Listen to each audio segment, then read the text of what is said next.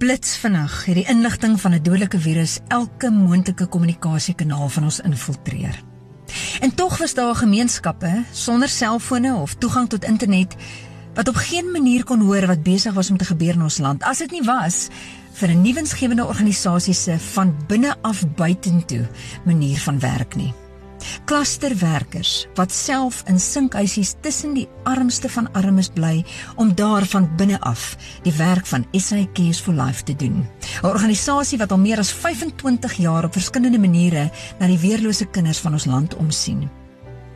Die eerste stap was om hierdie werkers met slimfone en data toe te rus vir effektiewe kommunikasie in elke moontlike taal. Toe met opleiding oor hande was en sosiale afstand wat hulle op hulle beurt weer moet gaan aangee met 'n doodgewone oorpak en masker, dan is dit nie op die hoogste standaard nie, want hier moet vinnig planne gemaak word.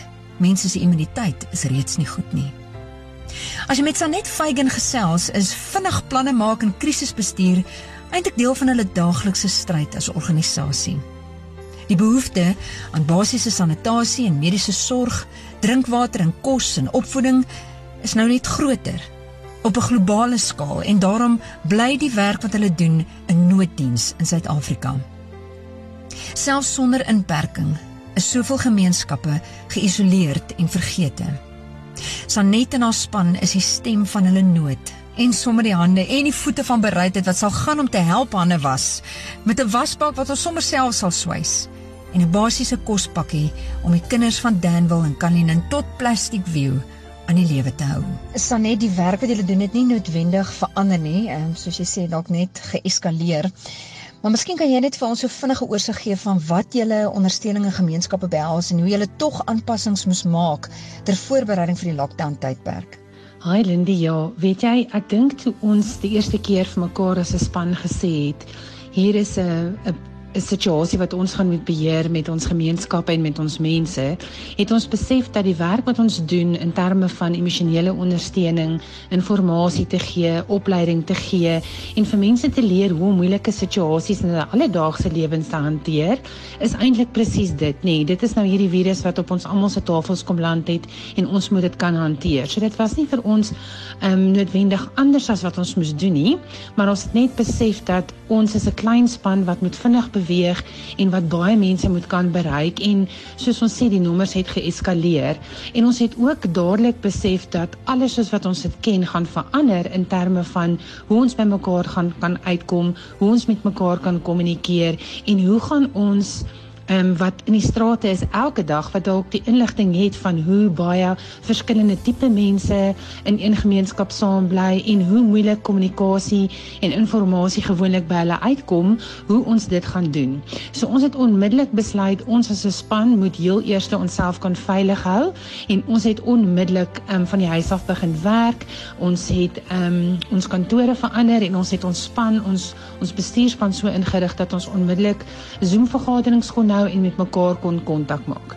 Tweede ding wat ons gedoen het is ons het besef ons moet mense kry in ons span wat die verskillende tale praat wat dadelik vir ons kan vertalings doen sodat al die nuus wat ons so gemaklik op TV en op DStv en so kan sien, ons dit kan afbreek vir eenvoudig en in soos in 5 punte kan vertaal in verskillende tale wat ons dadelik kan begin um, versprei na die verskillende gemeenskappe toe.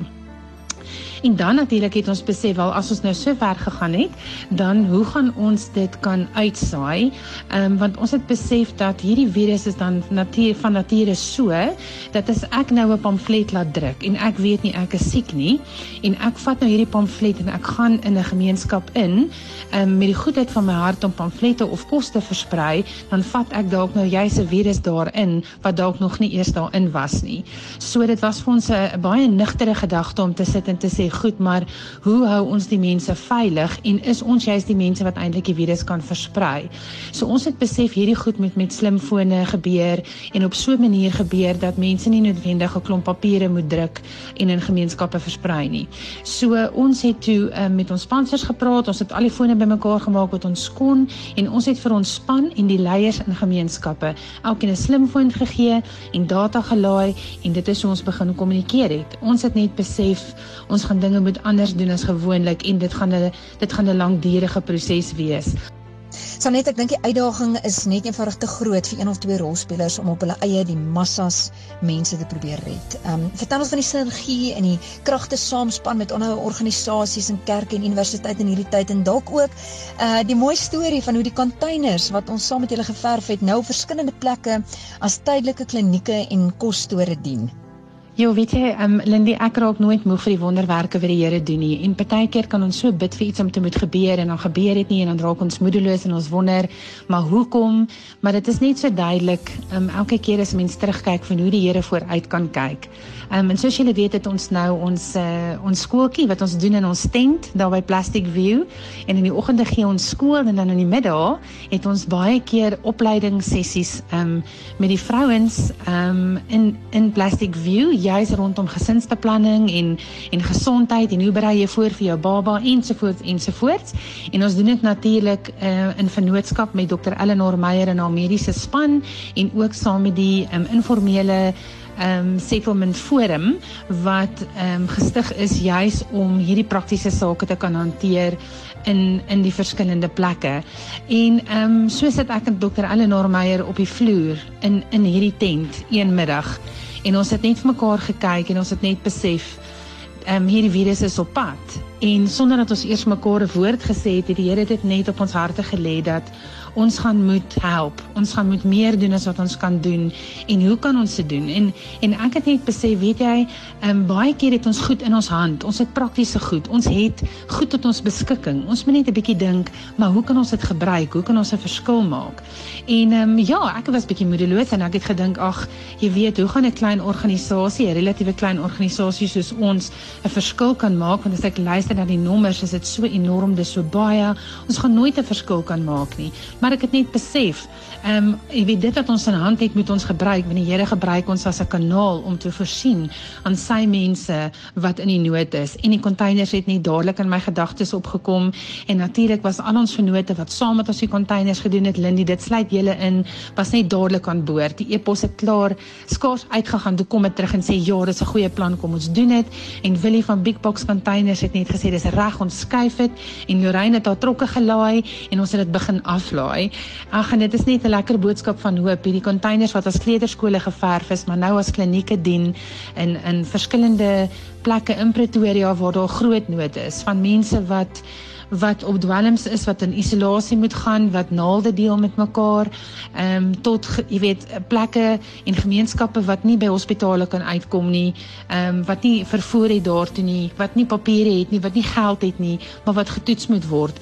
En nie net vir hulle nie maar ook sodat hulle nie die virus verder moet versprei in ons pragtige land nie. So ons het net gevoel die containers kan 'n verskil maak en dit was baie lekker om te sien hoe dit afgelaai word en dit word gebruik.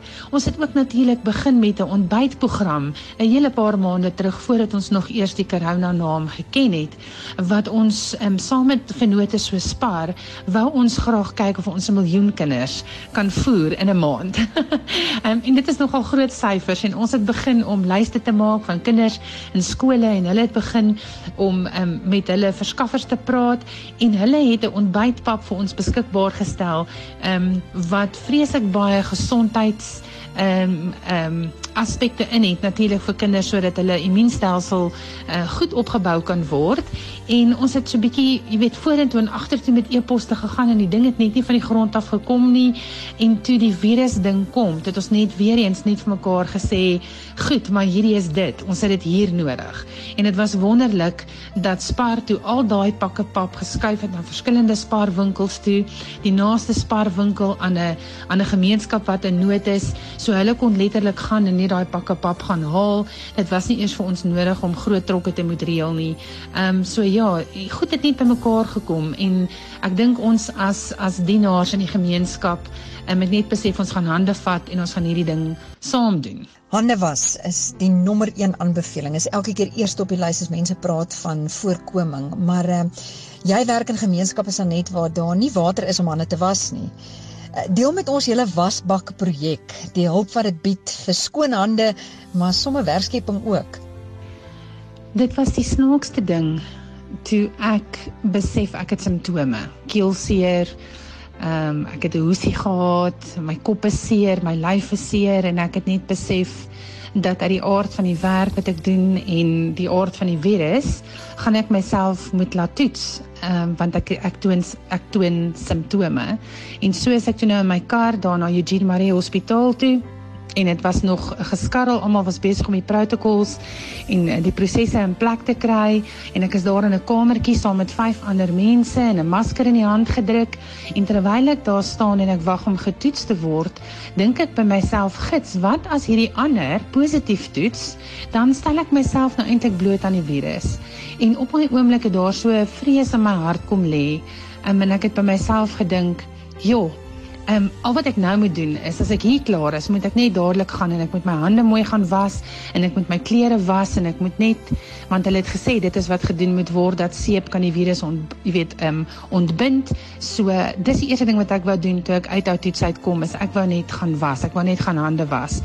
En daai aand kry ek 'n boodskap van uh, een van ons mans in die in die gemeenskap. Sy naam is John en hy sê vir my ehm um, ma Sanet we can't wash our hands. En dit het my tussen die oë getref is dat die eerste ding wat ek wou doen is ek wou my hande was. Die nuus praat van hande was. Almal sê as jy jouself wil veilig hou, as jy nie hierdie siekte wil kry nie, was jou hande. Ons begin hierdie boodskap broadcast en ons stuur dit uit in al hierdie verskillende tale en ons sê vir al hierdie mense, hou jouself veilig, was jou hande. En Ja, selfs nie eers ek wat elke dag in die gemeenskap werk, het dit so diep besef totdat hy nie vir my daai boodskap gestuur het nie en ek het net besef ons moet kan dat hulle hande was. Ehm um, ja, en ons het as 'n span ingespring, bietjie navorsing gedoen en ons manne, ehm um, wat deel is van ons Power of the Father program, het toe met hierdie ding opgekom. Ons het 'n stukkie grond in Kalinin en ons het 'n klomp manne wat daar saamwerk en hulle het gesê wat van ons boue wasbak uit 'n oliedrom uit. Ehm um, en ons het begin oliedromme bymekaar maak. Ons het begin eksperimenteer. Ons het die eerste prototipe gebou. Ons het besef, "Jo, maar as ons 'n mooi wasbak gaan koop, dan werk dit te, te, te duur uit. Ons ons en die mense wat dit moet kry, kan dit nie bekostig nie. En toe het ons gegaan en ons het 'n silwer uh hondekosbak gaan koop en ons het 'n gat daarin gesny en 'n prop ingebou en hy werk die heel wat goedkoper uit. En so het ons hierdie wasbak bymekaar gesit. 'n wasbak wat ons gevoel het ons kan um, selfs na die koronavirus um, in gemeenskappe versprei. Daar is soveel mense in Suid-Afrika, dis eintlik skrikwekkend wat nie toilette en wasbakke het nie. Ons het families in Cullinan en in Danville wat met hulle laaste geldjies vir hulle self 'n Wendy huis opgesit het nadat hulle hulle werk verloor het, maar daar's nie 'n badkamer in daai Wendy huis nie. Ons het mammas wat as ek vir hulle vra maar wat doen julle dan sê hulle nee maar hulle jy weet hulle piepie maar in hulle in hulle kind se potjie en hulle jy weet hulle maak maar 'n plan met met dit was. En dit het my net aangegryp en ek het besluit ons moet 'n plan maak en hierdie wasbakke is daai doel. Dit is 'n goedkoop manier om 'n wasbak te bou waar jy 'n kraan kan oopdraai, die water kom uit en jy kan jou hande was met 'n koekie dettelseep wat R12.99 kos.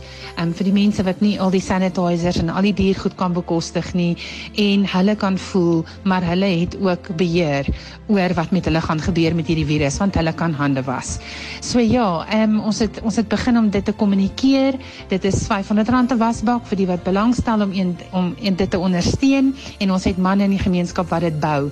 Die lekker ding van hierdie wasbak is hy het 'n kraan aan die onderkant, so al die grys water wat in die drom ehm um, opgaar, kan jy dan uitlei na 'n groentetuin toe sodat hulle dan ook hulle groente aan die gang kan hou vir die dae wat kom. So dit werk baie lekker en dan natuurlik kry die manne wat die dromme maak 'n geldjie per drom. So dis 'n bietjie werkskepping. Dit hou hulle bietjie besig in hierdie tyd van isolasie en ons almal doen, jy weet ons doen iets wat uh, wat saak maak. En dat, en en ons het nou begin om mense op te lei hoe om dit te maak, ehm um, sodat hulle dan ons meer dromme op 'n slag kan maak vir die gemeenskappe. So dis ons wasbak projek en ons is baie opgewonde daaroor. Ek het gesien toe jy op jou Facebook vra dat mense jou span sal bemoedig met boodskappe uh, gedink is baie mooi. Uh, maar ek wil jou vra, hoe help ons mekaar nog in hierdie tyd? En en wat is jou boodskap aan jou mede-Suid-Afrikaners en dienswerkers wat deel uitmaak van daai voorste linie vegters? Sjoe, Lindy, ek het nou eintlik also baie gepraat en dalk te veel tyd opgeneem, maar hierdie laaste vraag lê my baie na in die hart, want ek wil net sê dat ek ek raak ook bang en ek raak ook benoud en ek kry my oomblikke wat ek net myself moet afsonder en wat ek net my moet herinner aan aan die feit dat ons ons weet God is in beheer. Ehm um, so ek wil net sê my boodskap aan Suid-Afrika nommer 1 is jy jy mag maar bietjie bang voel. Ehm um, en en as jy bang voel, praat met iemand. Moenie simpel voel daaroor nie. Sê vir iemand, hoorie, ek voel bang. Kom ons drink 'n koppie tee oor Zoom of oor Skype en kom ons kyk mekaar in die oë en ons sê vir mekaar, ek voel 'n bietjie angstig. Hoe voel jy? En dan kan ons mekaar bemoedig. En die ander ding wat ons dan op daai oomblik vir mekaar moet sê is dit Moenie dink dat hierdie syfers is so oorweldigend dat mense reg oor die wêreld voel asof hulle wil opgee en jy kan nie 'n verskil maak nie. Ons kan nooit vergeet dat as jy net 'n verskil gemaak het vir een gesin wat dan die virus vryspring en wie se kinders dan aanhou lewe is 'n nuwe generasie wat weer 'n nuwe generasie gaan voortbring en dit kan wees as gevolg van een klein dingetjie wat jy gedoen het. Een aksie kan 'n verskil maak vir 'n hele generasie. Dit is en sal nooit verander nie. Maak nie saak wat die challenges is wat ons in die oë moet kyk elke dag in enige land of in enige van ons gemeenskappe nie. Ons sê altyd vir mekaar, red een, red 'n generasie.